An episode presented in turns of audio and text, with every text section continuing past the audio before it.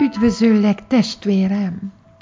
Az Egy Csoda minden nap mai címe Isten, olyan Isten, aki jó hozzád. Az elkövetkező napokban a gyógyulásról lesz szó.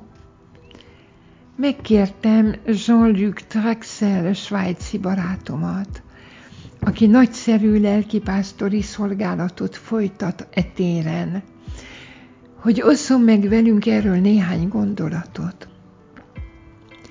Nagy örömmel osztom meg veled szövegeit. Hiszem, hogy az Úr számos csodát fog tenni az elkövetkező napok során. Imára hívlak, és ha van rá módod, bőjtre is, hogy meggyógyítsa Isten azokat, akiknek arra szükségük van. Isten, aki az eget és a földet megalkotta, nem Krampus, mint sokan azt gondolják. Ellenkezőleg, Isten, aki megteremtett és szeret téged, jó Isten, akinek a béke a terve az életedre, nem pedig a boldogtalanság. Meg annyi szentírási vers beszél nekünk Isten jóságáról. Íme néhány közülük. Uram, az ég ér a te kegyelmességed.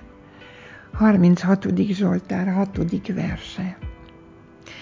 Te, Uram, ne tartsd vissza tőlem érgalmadat, kegyelmed és igazságod mindig megóvnak engem.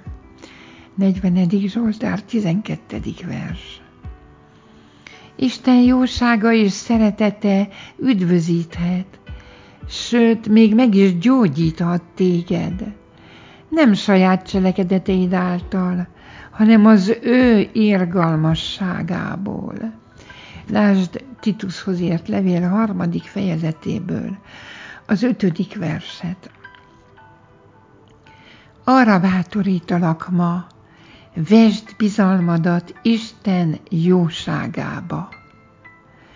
Isten vágyja, hogy jót tegyen neked, hogy meggyógyítson téged, hogy megszabadítson az elnyomástól, hogy reményt adjon neked, hogy újra felvirágoztassa családodat, stb. A Szentírás azt mondja, hogy a tolvaj, az ördög, csak lopni jön, többek közt az egészséget is. Ölni és pusztítani jön. Jézus azonban azért jött, hogy mindegyikünknek élete legyen, és bővelkedjünk az életben, az egészséget beleértve. Lásd János tizedik fejezetéből a tizedik verset.